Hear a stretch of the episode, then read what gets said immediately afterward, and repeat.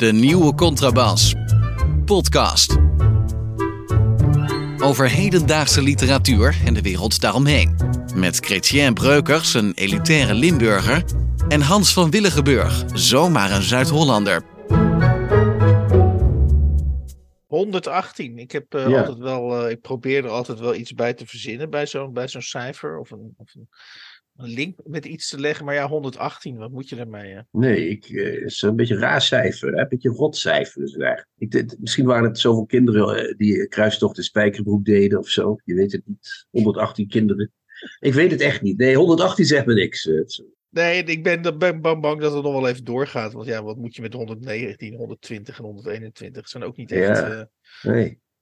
We zitten eigenlijk tot 200 zitten we in een soort grijs tussengebied, Hans. Dus we zijn uh, de komende twee jaar... Uh, wordt het niet veel. Maar goed, we zullen ja. zien. Uh, we gaan om te beginnen even melden, alvorens we ons over de literaire actualiteit gaan buigen, uh, over wat we vandaag gaan bespreken. Ik vind het een heel mooi duo. We gaan een, ja, het, is niet, het is niet dat we een duo gaan bespreken, maar het zijn wel twee boeken, dus in zekere zin is het wel een duo. Alleen het treedt. Kom op, Hans. Het, tre het, treedt niet het treedt niet live op. Je lijkt, uh, je lijkt Jonica Smeets wel met dat gezeur over getallen in het begin. wat, is, dit? wat is dit, Hans? Kom op. Ja. Huppakee. Nou, Brechtje, ja. Bre Brechtje Hofstede gaan we doen. Brechtje, bekend van eerdere nominaties, een jonge schrijfster, veelbelovend. Dus een beetje die categorie. Ze heeft net een nieuwe roman uit bij Das Mag. En dat heet Oersoep. Dat gaan we bespreken. Ja. En uh, we gaan iemand bespreken, uh, Alexander Snegirjov. Dat is een Moscoviet. En die heeft uh, vanaf februari 2022, dus met andere woorden vanaf het begin van de oorlog met Oekraïne, heeft hij een dagboek bijgehouden. Hij woont nog steeds in Moskou, dus hij behoort tot het volksdeel der achterblijvers, of, der, of van blijvers, kan je weer zeggen. En hij heeft een boek geschreven, een dagboek dus. Ik schrijf u vanuit Moskou. En dat heeft als ondertitel een verboden dagboek. Dat gaan we dus zo bespreken. Ik verheug me er nu al op, kan ik wel zeggen. Ja. Even kijken, en dan heb ik, als het goed is. Oh, hier, dat ligt voor me. Ja. Even, ik denk er even overheen. Laten we beginnen even met een, met een, met een overlijden. Uh, Wessel de Gussinklo, die wij. Uh, ik, we kunnen niet zeggen vriend van de show, want nee. hij is niet in de show geweest, maar we hebben hem wel. Volgens mij had hij niet eens internet, denk ik eerlijk gezegd. Ik weet het niet zeker, maar ik denk het niet. Uh, nee, het zou ja. zomaar kunnen. Ja. Uh, uh, Wessel de toch iemand met een behoorlijke, die, die de, de, in zijn leven toch een behoorlijke prijs in regen ter deel is gevallen. Ja, op latere leeftijd hoor je op dat latere zeggen, leeftijd. Die is, ja. die is dus overleden. Ik meen zelfs op, uit mijn hoofd 82-jarige leeftijd. Ja, hij was 82, ja, toen hij deze en week, de vorige is, week stierf. En, ja. en, de vraag is natuurlijk in de context van de nieuwe Contrabas podcast, hoe moeten we dit wegen, dit overlijden?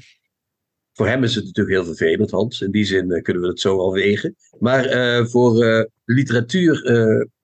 ik heb eens ooit één keer. We waren toen bij Bazarov, weet je nog? Dat we daar toen ook een live podcast opgenomen hebben. Ja, met Kees het Hart en met, ja, met, met Anne-Louise van den Doel. Of hoe ja, die was daar ook bij. Ja. En nog iemand. Ook Koen, Pepperbos natuurlijk. Maar toen was er ook een man die zei.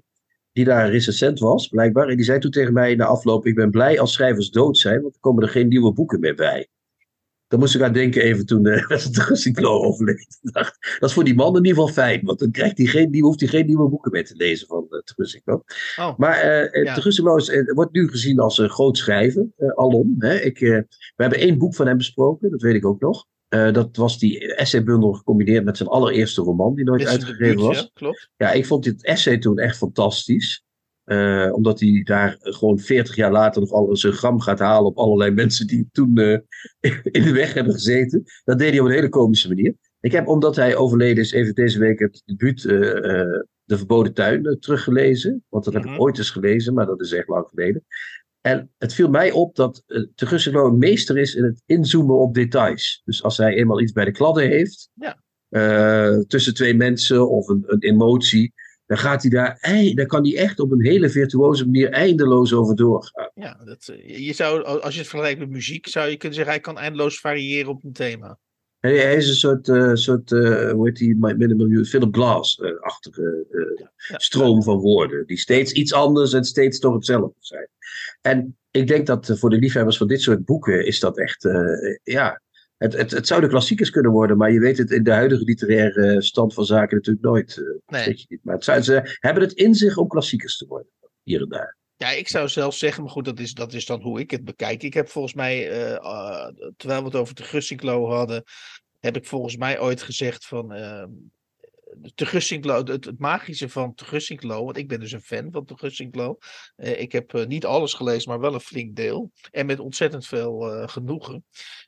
ik heb volgens mij ooit gezegd, het, het goede van te Gussinklo is dat alles wat je op schrijf- of creatieve opleidingen voor schrijven leert, daar gaat hij dwars tegen in. Dus, hij bouwt het verhaal niet rustig op. Nee, hij, hij, hij, doet, hij doet dus alles, alles wat je daar afleert, dat doet, dat doet Gussinklo met grote uitbundigheid. Uh, dus hij, hij blijft inderdaad eindeloos stilstaan bij allerlei Piet Luttigheden. Uh, want jij zegt details, maar het zijn soms ook Piet ja. Luttigheden. Maar, maar, maar, het mooie is dat hij zo in de psyche duikt van zijn personages. En dat is dan voornamelijk die, uh, die Ewout Meister. Ja. dat dat wat, wat, voor, wat voor de gewone mensen zeg maar een Piet Luttigheid is, dat is voor, ik, ik kan in de psyche van zijn bovenpersonages helemaal uitgroeien. Inderdaad tientallen pagina's lang tot iets heel, heel groots en iets heel aanstootgevends of iets heel frustrerends. Ja. En, um, en tot iets heel moois dus, want hij maakt er mooie ja. muziek bij. Eerlijk gezegd. Ik, durf, ja. ik durf de stelling aan. Ik, kijk, ik kan het ook gerust doen, want er staat geen straf op. En, en, en onze luisteraars uh, betonen zich niet dusdanig assertief dat ze gelijk uh, gaan reageren. Is dat ik denk dat die geschriften of die boeken, die romans van, van de Gussinklo, langer stand houden dan bijvoorbeeld, ik noem maar wat, uh, of, of Hermans, die toch deels in hun tijd uh, begrepen uh, kunnen worden. Terwijl ik, wat ik het krachtige aan uh, de Gussinklo vind, is dat je die boeken volgens mij over 50 jaar zitten, de, de, menselijke psyche werkt nog precies zo. dus dan zullen er ook ja. nog steeds pietluttigheden zijn. En daarin vind ik hem dus echt groots. Dus okay. ik vind het ik vind het jammer dat er niet nog meer boeken. Laat, laat, laat even in dat licht bezien. Ik vind het jammer dat er dus niet nog meer boeken van Gus Sinclair uh, komen. Dus, uh... We weten het niet. Misschien heeft hij wel een hele laan op thuis liggen met uh, ondergepubliceerde. Maar we zullen het ja. de komende tijd zien. Maar het was fijn dat je zo, zo aardig over hem spreekt. Dus ja, ja, of de, ja. ja. Nou, op naar de klassieke status. Ja. Nou, dan hebben we het eerder ook gehad, daar wil ik er nog even op terugkomen, over, nou laten we het even groen uitgeven noemen. Hè? Dus, dus de poging van uitgeven, je ziet het ook steeds meer voor en achter, achter in boeken staan, dat er alles aan is gedaan om, om de, om de, de CO2-uitstoot van het boek zo, uh, zo klein mogelijk te houden.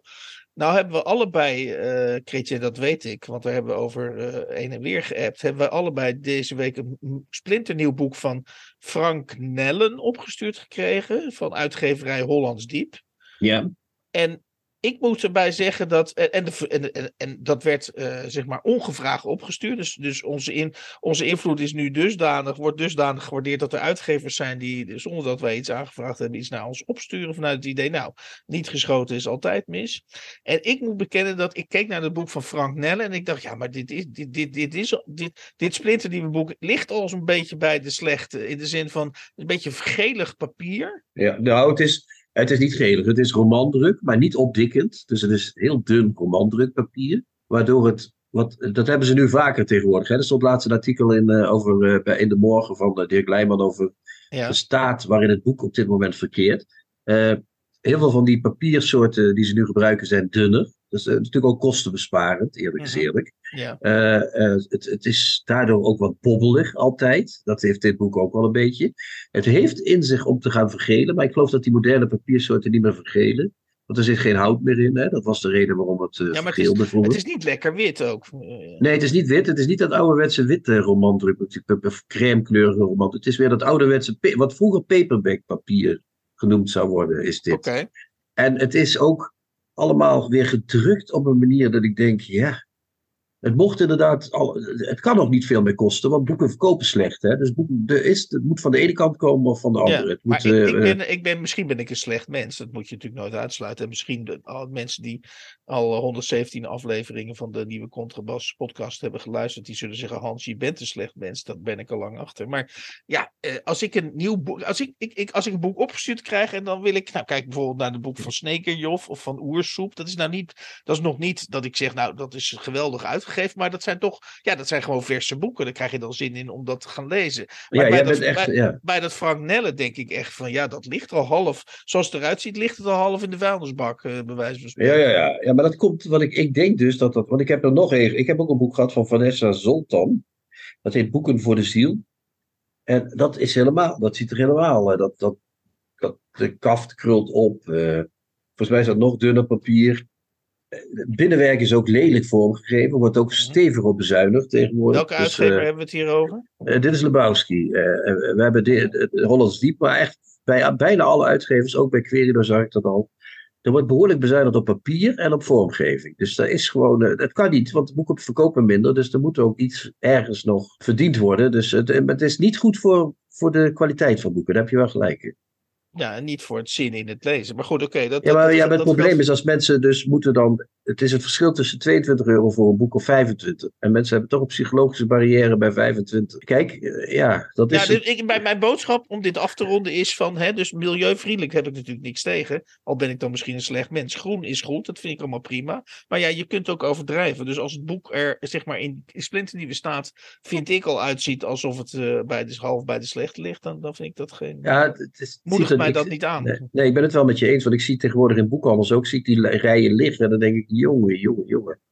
Het is me wat. Het, is, het, ziet er niet, het ziet er een beetje cheapish uit vaak. Eh, dat is waar. Behalve natuurlijk de boeken van onze uitgevers, Hans. Dat nee, die, die, zijn allemaal fantastisch en voorbeeldig. Ja, precies. Ja, ja. Uh, we moeten het even over Gadit en Sofie hebben. Je weet het wel, die talkshow uh, dagelijks om een uur of zeven na etenstijd. Ja, ik kijk wel eens, althans, ik kijk terug. We hoeven toch niet over de hele show te hebben, geloof nee, nee, we hebben het over, over uh, er is een trend. Nou, er is een heuse trend. Ik heb als journalist een heuse trend ontdekt. Namelijk dat uh, sinds de onrust in uh, het Midden-Oosten, en die is begonnen met die aanval van Hamas in Israël, dat Galit en Sophie, die bedrijven eigenlijk omroeppolitiek in die show. Namelijk, elke avond hebben ze een, een de-escalerend uh, gespreksonderdeel. En daar zitten dan mensen meestal van twee, die de kanten van twee kanten ja. lichten. Zodat de, ja, zeg maar Frits Barend en, en, en, wat anders. Zeg maar. Ja, zodat de gemoederen, hè, mochten die al verhit raken in Nederland, en die raken af en toe verhit, dat hebben we gezien, dat, dat Galit en Sophie voor, voor het nageslacht kunnen zeggen, ja, maar wij hebben in Galit en Sophie hebben we echt heel erg ons best gedaan om die emoties uh, in de hand te houden. Alleen, er was een rare uitzondering uh, aan het begin. Uh, vlak, de, de, net, die, die aanval van Hamas was nog redelijk vers. En toen werden we getrakteerd op, en ik weet niet of dat ook deescalerend bedoeld was, toen werden we getrakteerd op Ramzi Nasser. Ja, nou ja, net zei je het al, er, wordt altijd, er worden allebei de partijen worden aan het woord gelaten. Maar bij Ramzi Nasser was dat niet het geval. Ramzi Nasser kwam in een mooi spotlightje te staan. Met, die, uh, met dat uh, hoofd van hem. Ja, je kunt ervan vinden wat je wil. De een vindt het zus, de ander zo. Uh, dat, en dat kan hij heel goed. Hè? Hij kan natuurlijk fantastische tekst brengen. Maar de tekst die hij bracht, Hans, leek mij niet bepaald deescalerend. Want hij begon over het verschil tussen zich, inzichtbaarheid tussen de kleine slachtoffers aan de Israëlische kant en de kleine slachtoffers aan de kant aan de Palestijnse kant. Uh, daarmee het niet zozeer suggererend, zeggende dat Israëlische baby's een naam hebben en Palestijnse baby's niet. Met andere woorden, uh, slachtoffers uit Palestina zijn minder waard dan slachtoffers uit Israël. Dat was zijn over enige minuten uitgesmeerde boodschap daar zou je nog van kunnen vinden wat je wil. Maar de plechtigheid stond me al behoorlijk tegen. Hè? Dat dat allemaal op zo'n. Waarom moet alles op spoken word toon tegenwoordig, Hans? Ik weet het niet. Ik bedoel, kan dat niet meer gewoon gezegd worden zoals wij dat nu doen tegen elkaar? Ik zou het niet durven te zeggen. Dat is één. Maar het tweede is dat Ramzi, die heeft al een verleden met uh, hondenfluitjes voor antisemieten. Die weet donders goed wat het effect van zijn uh, preek zal zijn. Zeker als er geen weerwoord komt. Want dan uh, gaat het op Twitter weer los. Dan krijg je weer die eindeloze mensen met Palestijnse vlaggetjes die dat uh, gaan delen en zeggen: Wat een indrukwekkende speech. Eindelijk is iemand die zegt waar het op staat. Ja, ja, en, ja, en mensen die dan zeggen: Oh, wat vreselijk, de antisemiet uh, Nasser is weer bezig. dus die, hij weet donders goed dat hij daarmee niet deescaleert, wat jij dus het, de kern van het programma vindt. Maar dat hij daarmee de zaak flink ophitst. dat hij daar eigenlijk dus in de tijd van van, eh, van eh, in, in een, eh, op, hoe noemen ze zoiets, een publiek programma, nee niet publiek, maar van de publieke omroep staat hij daar de zaak op te hitsen.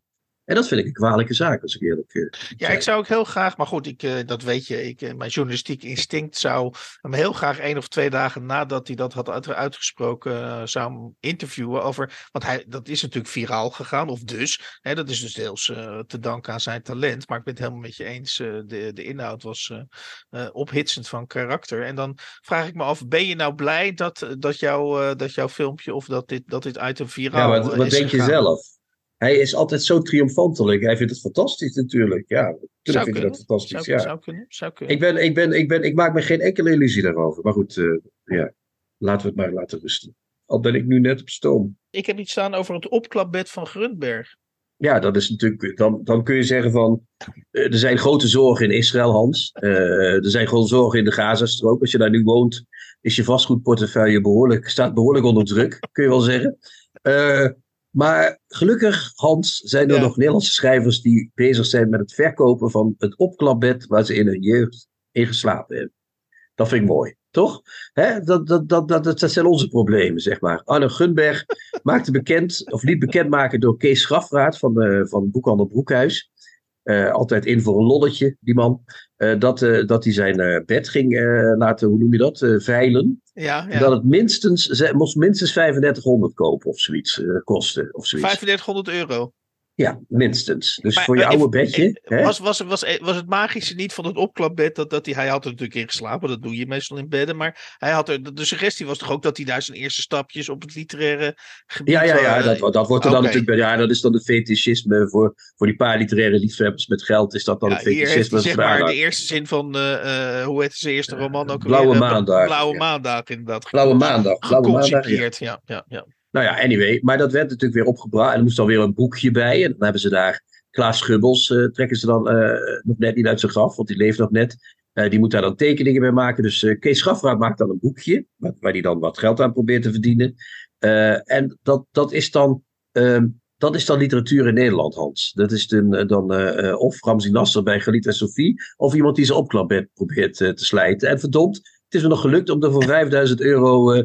Eh, iemand eh, die van Dam, eh, om die kunsthandelaar of die kunstverzamelaar daarin te interesseren. En het, het Maar is het tweede Ja. is dat dat boekje wat daar natuurlijk bij gemaakt is, waarschijnlijk ook flink nog wat oplevert. Dus of we hebben iemand die zich op de Gazastrook stort, of we hebben iemand die zich in zijn opklapbedje eh, smoort. Ik, ik, ik vind het. Ik, ik begrijp het gewoon allemaal niet meer, Hans. Al die verschillende thema's. Ik snap het gewoon niet meer. Nee. Maar is het onthutst niet dat, want, dat Arno Gunberg hier welwillend aan meewerkt? eh? Ja, maar ja, want heeft hij nou die 5000 euro nodig? Ik denk het toch niet. Want dat, dat als je zoveel, zoveel geld nodig hebt, dan ben je behoorlijk aan de rand van de afgrond eh, geraakt.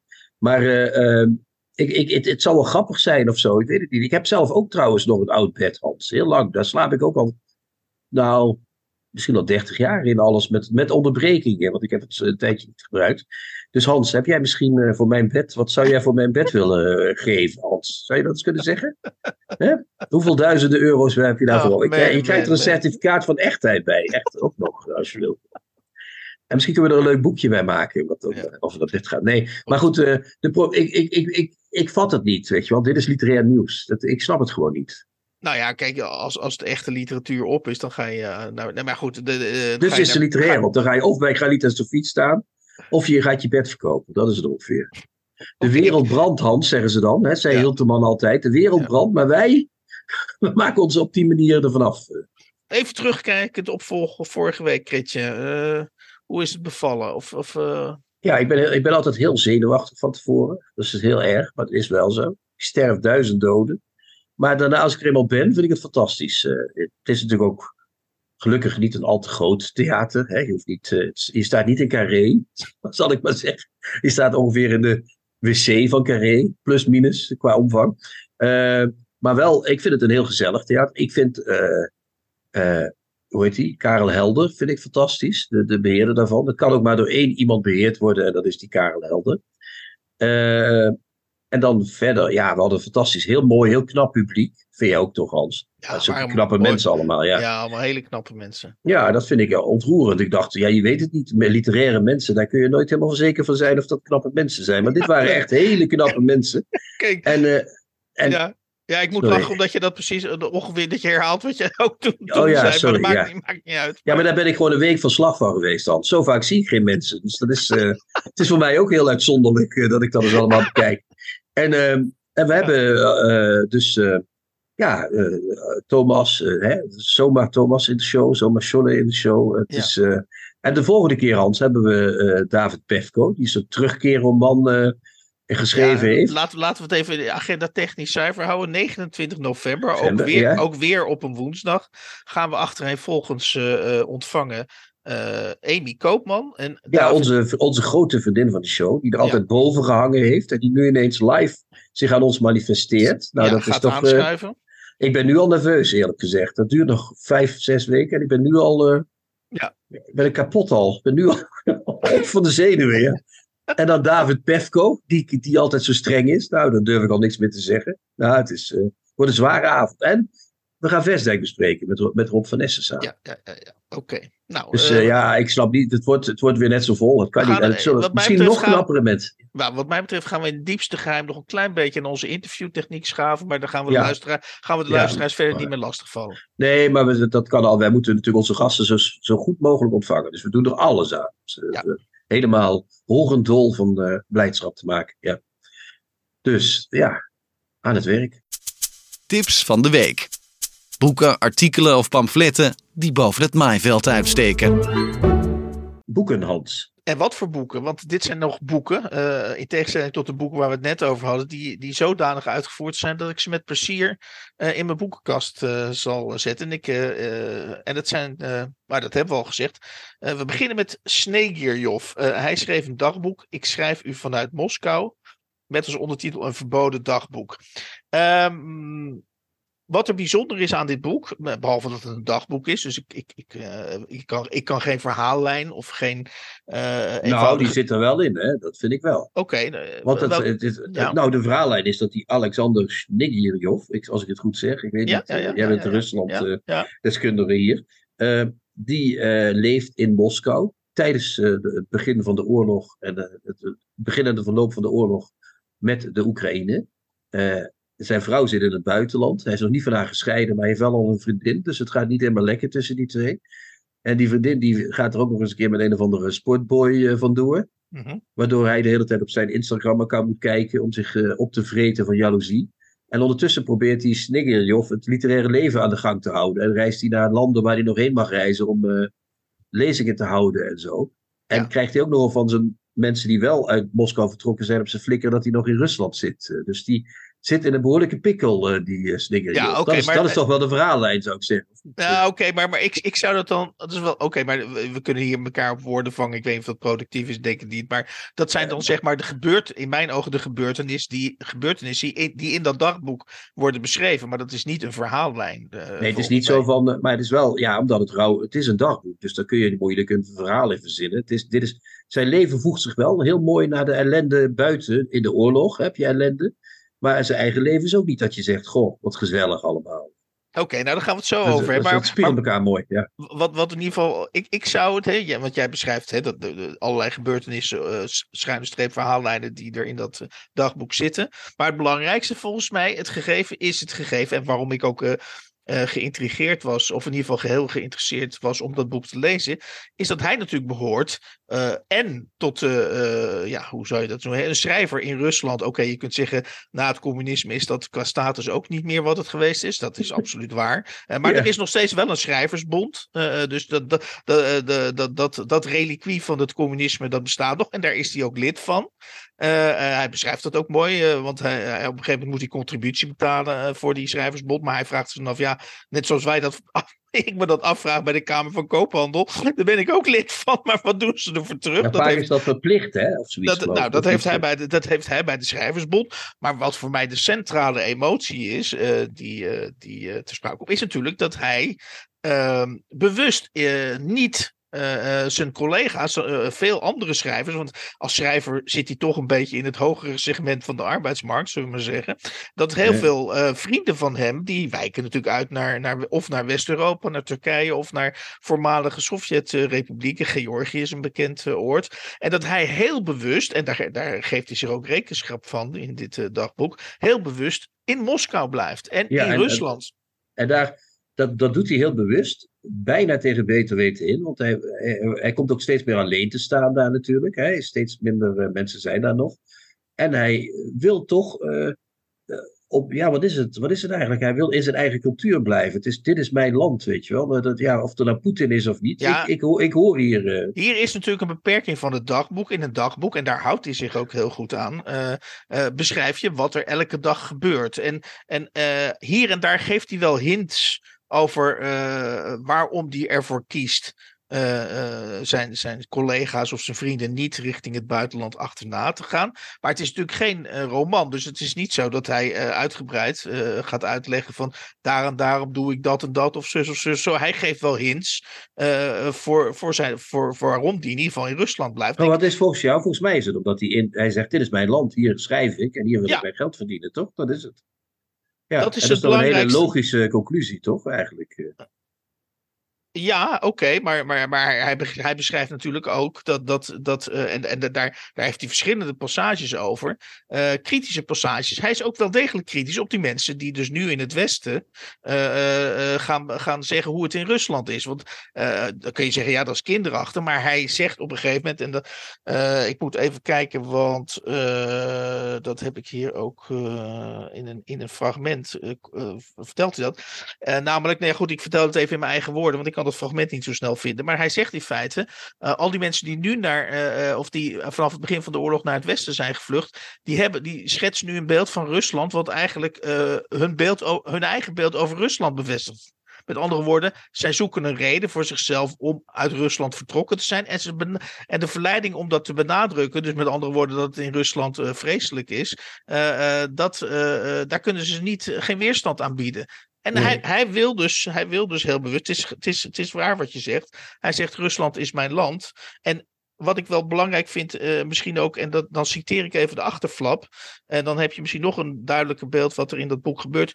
Uh, tuurlijk, het is een beetje uitgeverstaal, maar uh, er staat een onverschrokken literair ooggetuigenverslag van een desastreuze oorlog waarin de hartkloppingen van een imploderend Rusland op elke bladzijde voelbaar zijn. Ja, nou dat is het ook. En, en het mooie van dit boek is dat hij. Uh, ik, hier is iemand aan het woord die het verval beschrijft, als je het zo zou kunnen mhm. zeggen. Het verval binnen zijn eigen leven, maar vooral het verval van Rusland, hè, van hoe Rusland uh, aan toe is. En vanuit een geprivilegeerde positie moet je zeggen, want Moskou, daar gaat het nog best goed. Ja. Heel veel mensen vluchten bijvoorbeeld naar een andere stad en dan zeggen ze, nou, hier is echt niks te krijgen. In Moskou kun je alles krijgen, maar hier is het echt uh, ja, is het ellende. Dus hij zit eigenlijk gek genoeg heel goed in Moskou. Maar ja, dan heb je die verdomde oorlog. En eh, iedereen zegt, ja, waarom zit jij nog in dat land waar die, waar die Poetin de baas is? Hoe mhm. durf je? Maar hij, eh, dat schrijft hij allemaal op, eh, op een manier dat ik denk, ja, hij heeft een soort droge humor die mij enorm bevalt. Ik weet niet of jij dat ook uh, Ja, zeker, zeker, ja. Hij, hij, wil alles, hij beschrijft alles een beetje op een manier dat je denkt, nou, dit is echt... en het gaat om kleine dingen soms. Dan heeft hij een hele...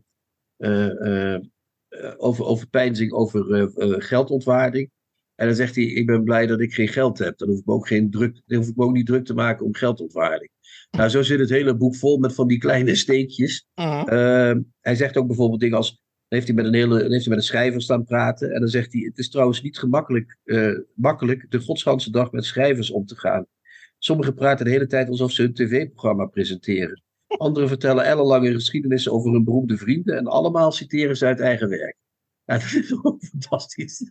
Ja, hij heeft het ook heb... niet gemakkelijk, die jongen. Dat kun je niet nee, zeggen. Nee, nee, en wat ook heel mooi is, is dat hij op een gegeven moment gaat hij in. Want uh, er zitten best wel passages in waarvan ik denk: heeft hij dit nou Rusland uitgesmokkeld? Is, of is dit langs de censuur gegaan? Dat, dat is mij niet helemaal duidelijk. Ik denk dat hij het gewoon. Je kunt e-mailen tegenwoordig, Hans. Je kunt ja. gewoon e-mailen. Dus uh, hij, het wordt ook in literaire tijdschriften. In Nederland wordt het bijvoorbeeld bij de Goede Amsterdammer. Uh, af, is het af en toe gepubliceerd. Uh mhm. -huh. Dus het wordt gepubliceerd. Dus eh, ja. je kunt het gewoon. Je bent, hij is ook nog niet de gevangenis ingegooid of zo, volgens mij. Dus het is niet zo dat je meteen. Uh, hij zit ook niet echt tegen Poetin te schelden of zo, hè, geloof ik, of niet. Uh, dus het is niet zoals vroeger nou, die underground schrijvers die de, in de gevangenis terechtkwamen.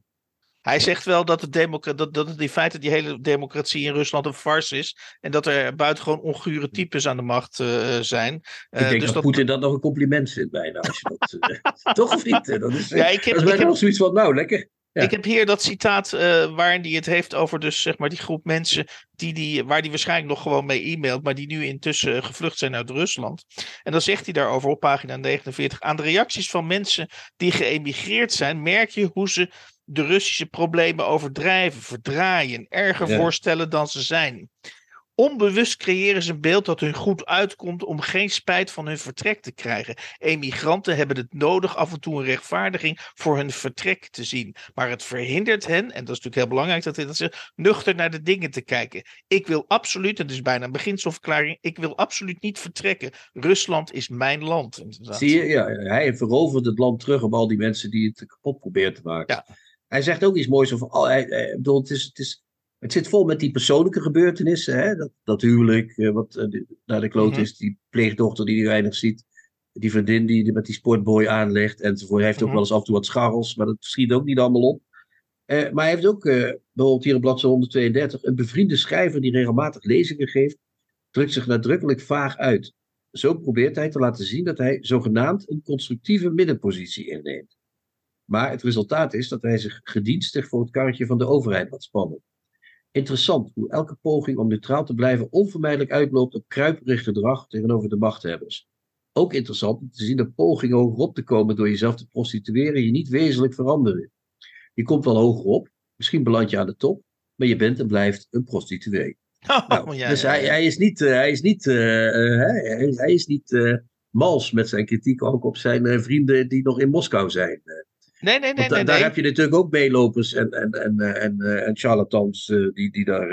Ja, wat, wat, wat ik denk ik heel typisch Russisch vind aan, aan, zijn, aan zijn werk. En dat, ik ga dat ook nog, nog meer met nog een citaat, hoop ik dat eh ja, construeren. Ja, ja, ja. Is dat hij in alles blijkt, is hij een vrij illusieloos veertiger. Hij is geloof ik 43, eh, hij is van 1980.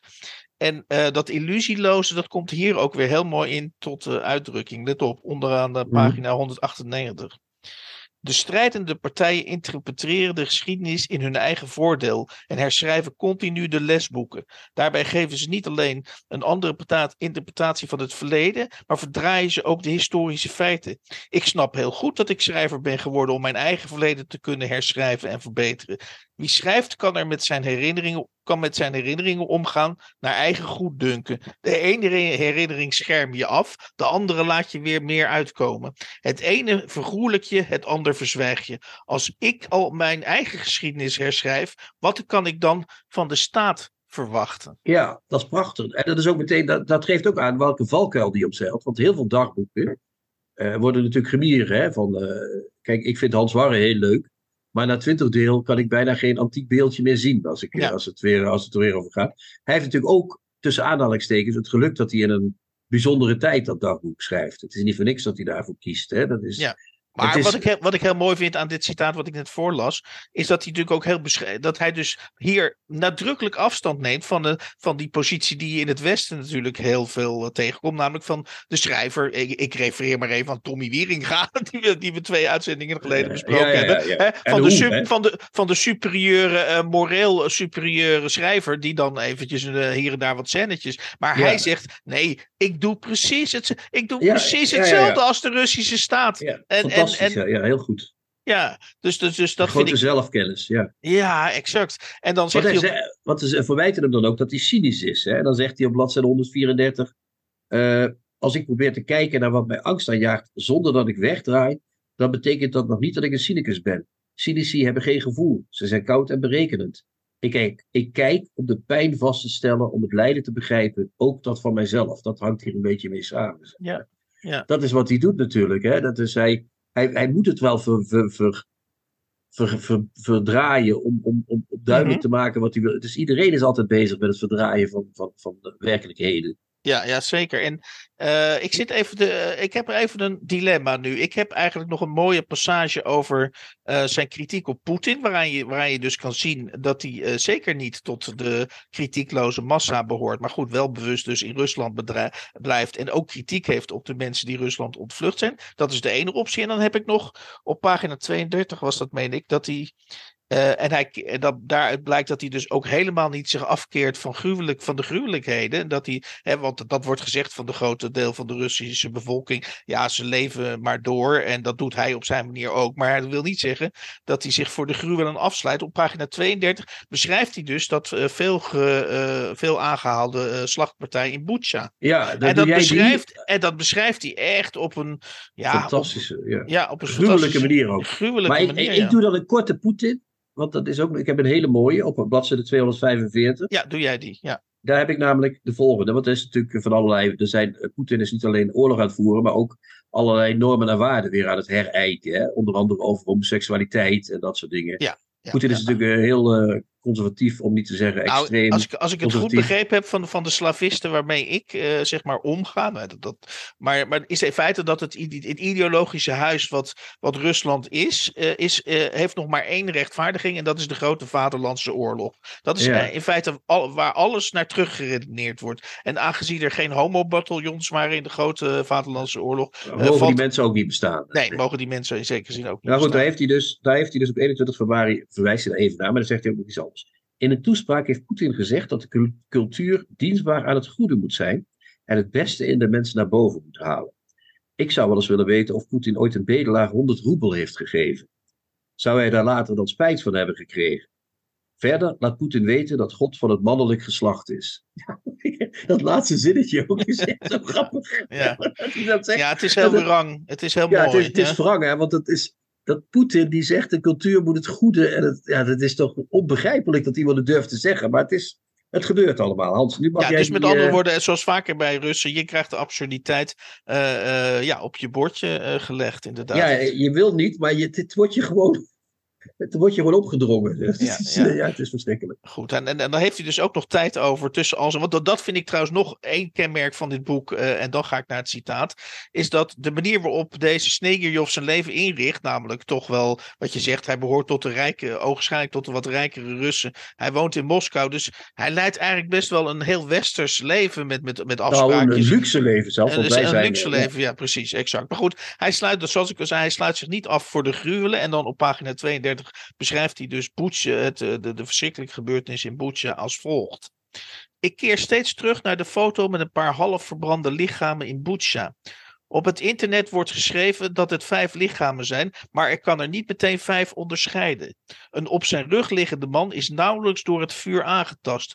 Een vrouw ligt op zijn been te slapen, slapen oh, tussen aanhalingstekens.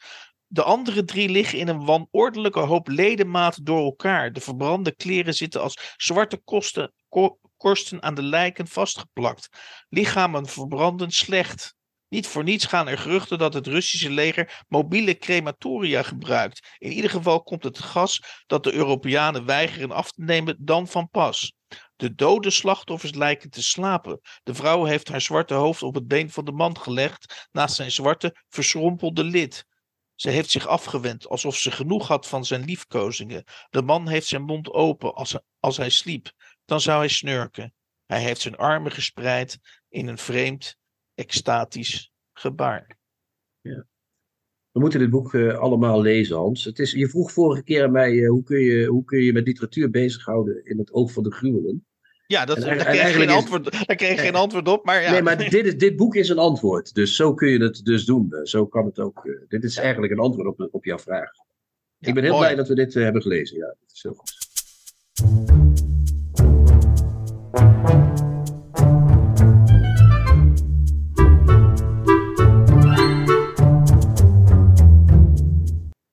Dan gaan we nu, eh, hoewel ik geen dan mag zeggen, zeg ik toch in dit geval. dan gaan we nu het tweede boek bespreken. En het tweede boek is van Brechtje Hofstede. Is net verschenen bij uitgeverij Dasmach, zoals ik net al zei.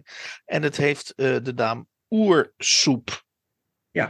En eh, het is een boek. We gaan dadelijk eh, klassiek, op klassieke wijze proberen de inhoud van dit boek bij de horens te vatten. Mhm. Maar mij viel in, om te beginnen één ding op. En dat is nieuw. Voor mij was het nieuw. Want er staat een, in het begin van het boek eerst een foto en dan staat er de tekst: Brechtje Hofstede is schrijver en activist. Dat is voor mij nieuw. Tenminste, ik heb weinig, eh, ik heb nog niet eerder eh, schrijvers zichzelf eh, die twee hoedanigheden zien aankondigen. En dan stond er, staat er wat over haar werk, maar dan staat er ook, ze is medeoprichter van het feministisch platform De Bovengrondse en van Stichting Nationaal Heksenmonument en aangesloten bij Extinction Rebellion. Mhm. Voor de correspondent schrijft ze over het nieuwe profeten. Dus met andere woorden, we hebben hier niet alleen met een schrijver van boek, we hebben hier ook met een activist van. Ja, dus, dus je, wat je zegt is van, ik, ik kom zelden, eh, want je komt hier dus voordat je aan het boek begint, kom je dus eigenlijk een klein cv van de, van de, van de, van de Ja, en dan ook nog na- nadrukkelijk als activist. Dus ik vroeg me Ja. meteen af, zou dat in het boek een rol gaan spelen? En Precies. dat weet ik niet, maar dat, daar gaan we het zo nog over hebben. Eh, het is een roman. Wordt er gezegd, hè? dat staat erop. Ja, dat staat Dus, erop. dus daar gaan we dan vanuit dat dat zo is. Eh, het is een roman over een eh, eh, vrouw die met iemand samenwoont, die Warre heet. ja, en die, en die moeder heeft, die net, net moeder is geworden. Ja, van een kind dat Essie heet.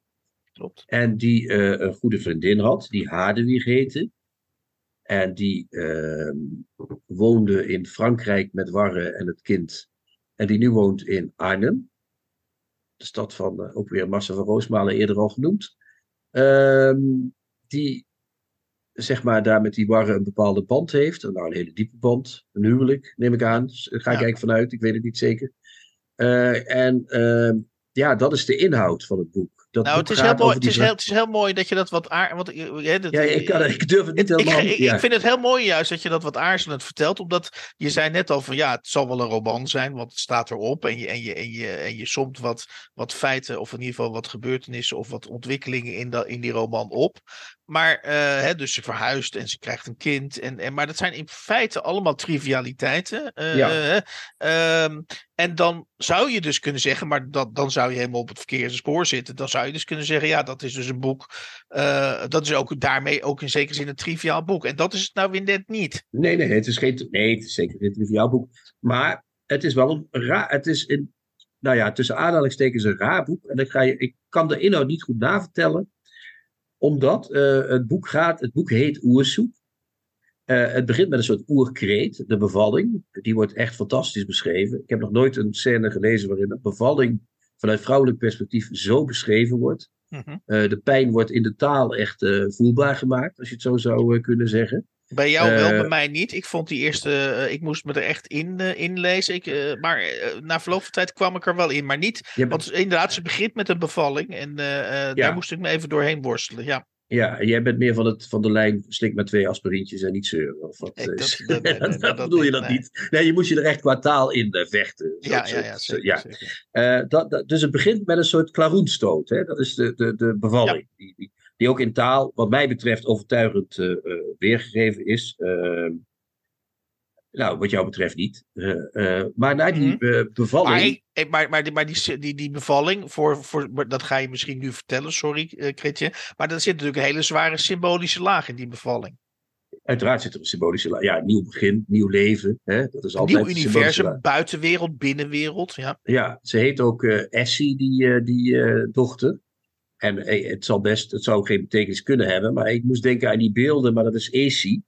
Je hebt van die beelden die ze ooit gevonden hebben ondergronds, die daar eh, miljoenen jaren of de tienduizenden jaren, sorry, eh, Oh, dat zou kunnen. Ja. gestaan hadden. Het lijkt net alsof één zo'n beeldje bovengronds is gehaald. Zo heb ik het een beetje gelezen. Maar Oh, dat zou, dat zou een Dus interessante inter- interpretatie zijn. In ieder geval, het is te mooi gevonden om het, om het gelijk af te schieten. Ja, Ja, maar met een nieuw leven haal je echt iets nieuws tevoorschijn. Dat, dat, komt, dat is die bevalling, hè? dat gebeurt dan echt. Eh, en dan komen er eh, eh, een paar, zou je kunnen zeggen, flashbacks. Hè? Ze heeft een hele goede vriendin gehad. Ze is blijkbaar ooit door iemand die Hardewig heeft, heet, eh, die ze Harde noemt, is ze tot, tot verleid tot het rugby spelen in damesverband. En dat was een hele goede vriendin van haar, maar ze ook wel... ja, het is, het is geen liefdesband, maar ze heeft wel een hele grote aantrekkingskracht tot die vrouw. Dat is meer dan een goede vriendin. Maar dat wordt eigenlijk nooit, dat wordt nooit een eh, liefdesrelatie, maar ze heeft dat. Ja, ze maar er- soort- ja, er zit wel een hele mooie. In die, in die, in die beschrijving van, eh, van haar. Ik vind, eh, voor de duidelijkheid, ik vind lang niet alles geslaagd in het boek. Er is misschien percentueel zelfs meer wat ik niet goed vind dan wat ik wel goed vind. Maar wat ik bijvoorbeeld wel heel mooi vind aan die beschrijving van die relatie met Hade. En met die terugblik op die rugbyperiode. Is dat Hade op een gegeven moment iets zegt. Ik heb het nu niet letterlijk voor me. Maar die zegt dan van je moet vol in de tackle gaan. en je moet vol die bal beschermen. Eh, eh, geen enkele nuance of geen enkele eh, tweede of derde gedachte toelaten. En zij die, die, die levensgretigheid die uit, uit dat advies spreekt. Ja, daar, daar, daar valt ze wel heel erg voor. Ja, daar is ze ook min of meer verliefd op, op die Hade. Exact. Ja. en dat, dat, maar dat wordt nooit. Ik zeg dus, er zijn een paar flashbacks. Je hebt die, die Hade, als die doodgaat, schrijft ze daarover. Ze heeft het over het leven op het platteland in, in Frankrijk, Frankrijk. In de ruwe omstandigheden, Hans. Ja. Het huis is in de winter maar een paar graden warmer dan het buiten is. Mhm. Eh, dan heeft ze het over de verhuizing terug. Maar ze heeft het ook over eh, eh, een ontgrenzing die ze bewerkstelligt door een soort trip te maken. Een paar keer een trip te maken. En helemaal aan het eind van het boek, en daarom is, daar komt mijn verwarring een beetje vandaan, begint ze ineens een heel verhaal te vertellen over dat die ontgrenzing nodig is om, nou ja, dat ze die ontgrenzing zelf nodig heeft, want dat ze zichzelf meer, meer beheerst dan ze zou willen, als je het zo zou willen zeggen. Snap je, snap je wat ik bedoel? Ja, nee, maar ik, ja, nee, ik heb het boek. Nee, nou nee, lachen? Hè? Of, eh, nou Ja, te nee, maar om, nou ja, kijk. Lach je me nou uit, Hans? Ik zit Nou, nee, ik lach je niet uit, maar, maar het, het punt is dat, dat de, de, de, de zijn, laat ik het maar even zo zeggen, dat de zijnsvragen die eh eh, Brechtje Hofstede continu opwerpt in dit boek. Hè? Dus met andere woorden, hè, of ze nu aan het rugbyen is, of dat ze aan het verhuizen is, of ze nu in de natuur is, of dat ze net eh, geestverruimende middelen heeft eh, eh, genomen. En dat doet ze allemaal, en dat komt allemaal voorbij. Eh, de levensvragen zijn bij Brechtje Hofstede nooit ver weg. Dus het, heeft een soort filosofische, zeg maar, de, eh, je zit constant in een soort half filosofische denktrand. En als je inderdaad wil gaan navertellen, en dat, merk ik, en dat bij jou, maar dat werkt misschien zelf ook, als ik zo samenvat, is dat je ja, in die verwarring van die ho zelf ook ten onder gaat als recensent. Ja. Krijg je in de verwarring van die hoofdpersoon. eh. Nou, dat is mij ook bijna overkomen. Maar als je mij, ik, ik was nog één stap weg van de samenvatting. Dus aan het eind eh, gaat ze dus eh, zichzelf meer uitspreken. Meer dan ze daarvoor deed. Dan is het minder verhalend en meer wat, zij, wat de hoofdpersoon, moeten we dan zeggen, wil. Eh, en die hoofdpersoon die, heeft, die merkt dat dat eh, huwelijk met die warren, dat dat een beetje, ja, dat dreigt een beetje sleuren te worden.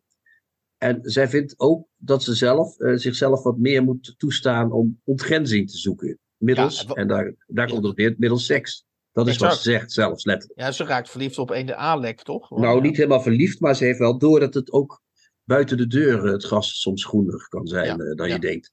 En ehm, nou ja, maar dat laatste stuk, toen dacht ik ineens, hé, hey, nu snap ik mijn verwarring van die vorige stukken ook. Want die vorige stukken waren soms heel mooi. Dat, die, die brief aan die Hade is echt een mooie brief op zichzelf.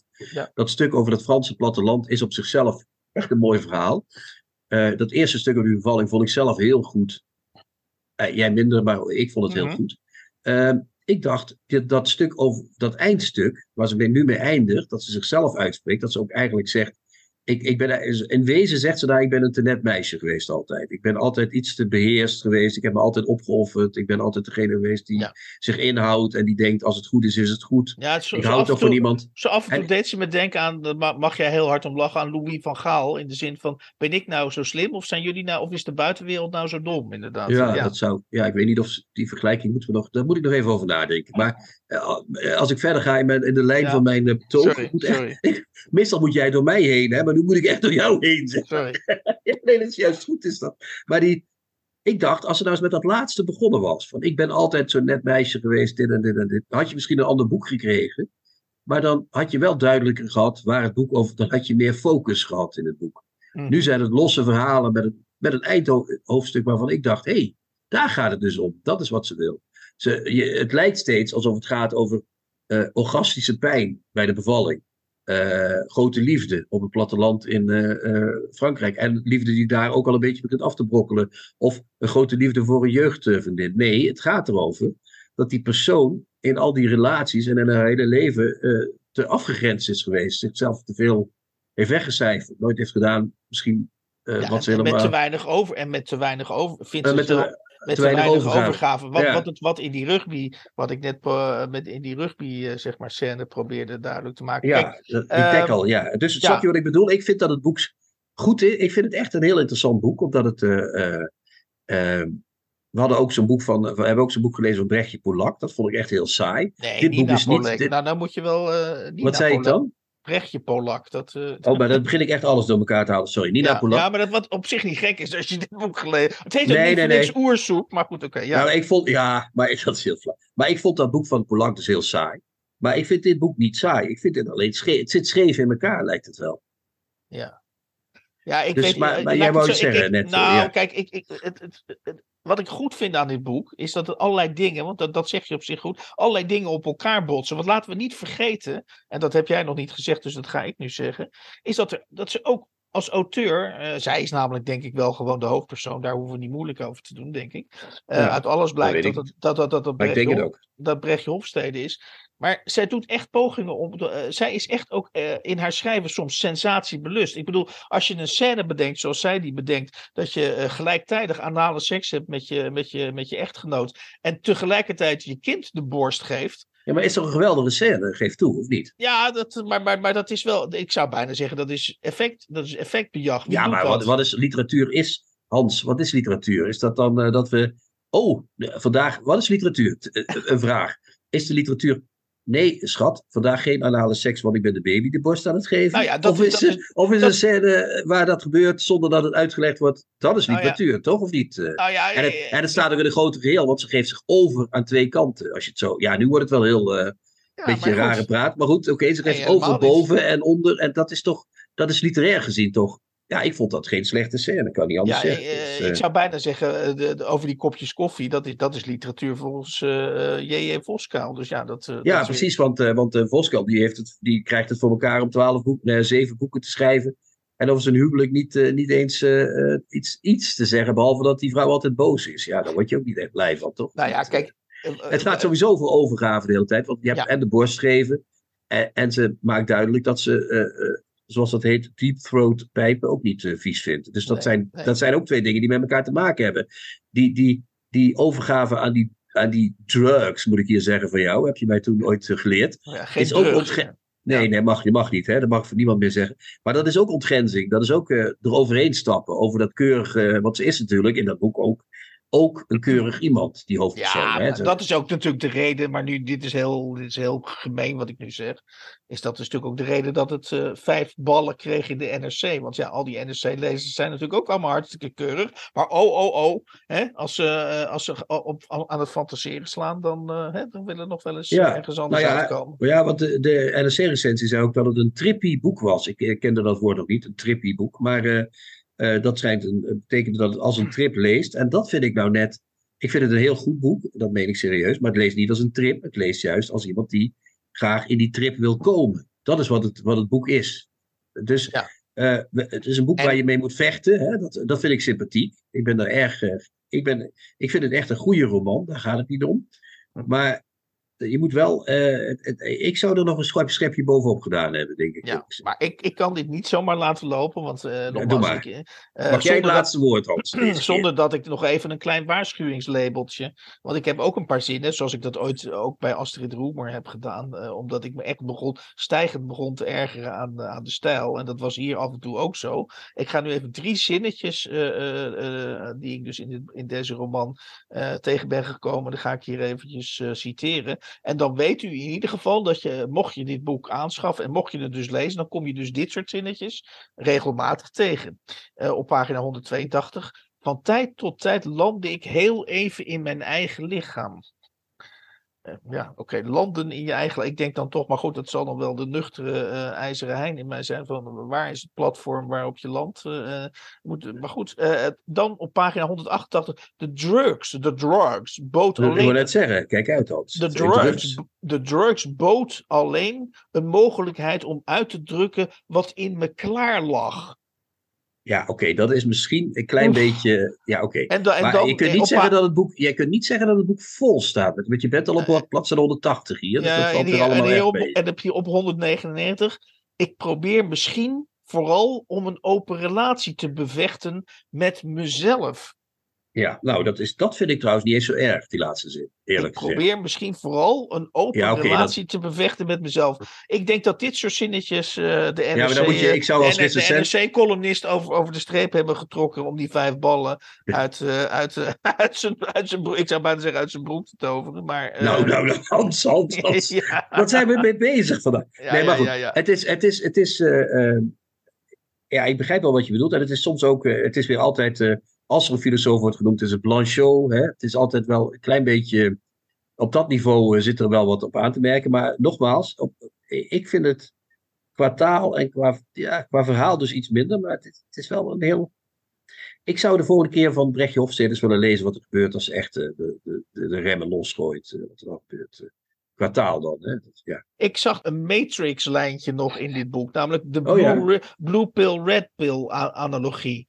En, Ja. eh, en, en namelijk dat zij co- zich constant afvraagt, eh, eh, eh, en, en dat, is ook een thema in het boek, hè, dat, dat, het rare idee dat je één persoon bent. Nou, zij vindt namelijk dat ze meerdere personen is. En ze, en, ze, en ze vindt het dus ook eigenlijk raar dat je maar één persoon mag zijn met één soort gedragspatroon. En daar zit ook die wens naar ontgrenzing in. eh, achter, eh, in. Dus, dus zij is iemand die zelf eh, constant uitstraalt dat ze de rode pil heeft genomen. Hè? Dus zij ziet verder dan de andere mensen. Zij ziet de ware structuur of de ware dingen achter de dingen. Hè? Daar is ze ook naar op zoek. Terwijl eh, ja, al die mensen waarmee ze moet omgaan, die hebben slechts de blauwe pil genomen. En eh, ja, dat leidt dat de hele roman door, zo, zo mag ik het volgens mij wel zeggen, tot een bepaald spanningsveld. en daar, daar, blijft, daar blijft, ze, blijft ze eindeloos op hameren. Ja. En, en, en vaak op een boeiende manier. Begrijp me niet verkeerd. Ja, maar daar ben ik wel met je eens. Dus ze, is, ze zegt dat ze activist is. En dat zie ik te weinig terug in dit boek. Dus dan moet je ook, eh, hè, put your money where your, eh, put your mouth where your money is, of andersom. Hoe zit Oh, dus- alweer? Maar wat, bedoel, wat had ze dan bijvoorbeeld wel als Nou ja, als je- activist moeten doen, wat ze nu niet doet in dat boek? Je zegt steeds, ze ziet verder dan de rest. En dat doet een activist ook. Die weet wat er moet veranderen. Hè? Die, die weet. Dus als je dat vindt, moet je ook niet alleen eh, de, de twijfel duidelijk maken, maar activist die ploegt ook om. Hè? Die zegt ook zo gaan we dat doen, vertrouwen. Anders dan eh, is het niet goed. Dus dat had ze, daar ben ik benieuwd naar als ze dat gaat loslaten, wat er dan gebeurt.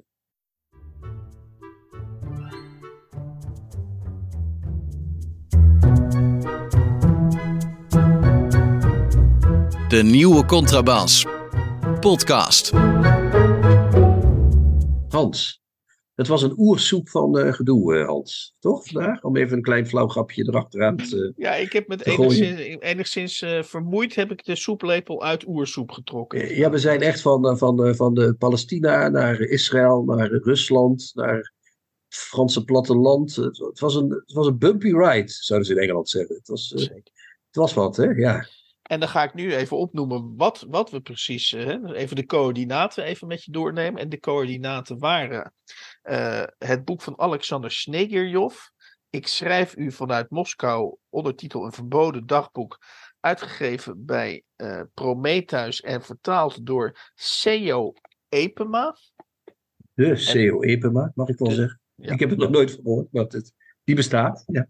En, en daarna spraken, eh, bespraken we dus, eh, of deden we een poging eh, te bespreken. Want ja, hoe ver we zijn gekomen, ik weet het niet, maar we hebben een poging gedaan. We, we hebben wel ons best gedaan deze keer, Ja, dat kun je wel zeggen. de roman, eh, volgens in ieder geval volgens de eh, omslag, is het een roman Oersoep van Brechtje Hofstede. En wat we ook uiteindelijk van dit boek vinden, volgens mij zijn we het over één ding roerend eens, is dat we benieuwd zijn, en dat is misschien wel weer een levensgroot cliché, sorry daarvoor al op voorhand, dat we naar aanleiding van dit boek eh, eh, toch wel weer heel benieuwd zijn geworden wat Brechtje Hofstede hierna gaat doen. En eh, volgens Dat is mij. eh, uitgegeven door Das Mag. Oh ja, dat is uitgegeven door Dus Mag in 2023. En volgens mij, wat wou je? Ja, je wou zeggen Nee, jij, wil, jij wilde nog heel graag dat zij de activist, of de, of de, de activist in haarzelf, nog meer eh, dan ze in dit boek doet, gaat loslaten. Ja, ik, ik, ik zie een soort, eh, jij kent het misschien niet, maar Kathy Ecker, eh, de jaren 70 en 80 schrijfster uit Amerika. Mhm. Ook een zeer activistische iemand. die schreef ook echt op de rand van, de, de, van de, wat, nog kon, wat nog leesbaar is. En daar zou ik hem graag, die kant zou ik hem graag willen zien ontwikkelen. Daar ben ik het niet naar. Oké, maar dat, dat zou, ik denk dat dat, ik weet niet hoe, hoe, hoeverre uitgevers nog invloed hebben, maar uitgevers willen ook boeken verkopen. En als ik jou zo hoor, dan denk ik dat het eh, publiek, maar daar gaat het in de literatuur natuurlijk niet om, dat weet ik Nee. ook wel. Maar eh, eh, eh, dan vrees ik voor de verkoopcijfers van Brechtje Hofstede. Dan, dan in dat geval, in dit, in dit klimaat, zoals je dan hoort te zeggen, dan wel. Des te verheugender is dat, eh, dat, eh, dat, eh, dat, eh, dat onze donatiestroom weer lichtelijk op gang is gekomen. Ze komen binnen. Nou, da- hartstikke bedankt daarvoor, Ja, mensen. heel We zijn heel gelukkig. Ja, Ja. een heel fijn en warm gevoel. Eh, we, fijn om gewaardeerd te worden. En eh, ja, we doen ons best, Hans. En dat doen we de volgende keer weer. Toch? Daar gaan we vanuit, hè? Ja, dus nou, daar gaan we niet vanuit. Dat is zo, toch? Nou, niet zo moe. Niet zo ja, moe, ik eh, ben, Hans. altijd heel, ik ben altijd heel bescheiden. dat is waar. Ja, je bent de Mr. Bescheidenheid. Himself. Nou, daarmee kunnen we eruit, Hans. Tjoe tjoe. Ciao ciao. Tja, tja, tja.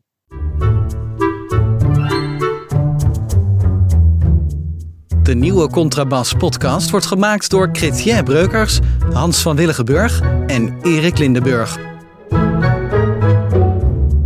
Kijk jij ook elke week uit naar de nieuwe Contrabas podcast? Voeg dan de daad bij het woord en word officieel supporter. Dat kan al vanaf 1 euro per week, oftewel 52 euro per jaar. Draag je ons een heel warm hart toe, dan kun je ook Golden Supporter worden voor 104 euro en Platinum Supporter voor 208 euro per jaar. En wat krijg je daarvoor terug? Dan luister je met nog meer plezier naar ons uitgesproken geluid wekelijks over literatuur. En wat je ook geeft, ga naar gofundme.denieuwecontrabas.blog. Nog één keer? gofundme.denieuwecontrabas.blog. Hup, hup, hup. Hup.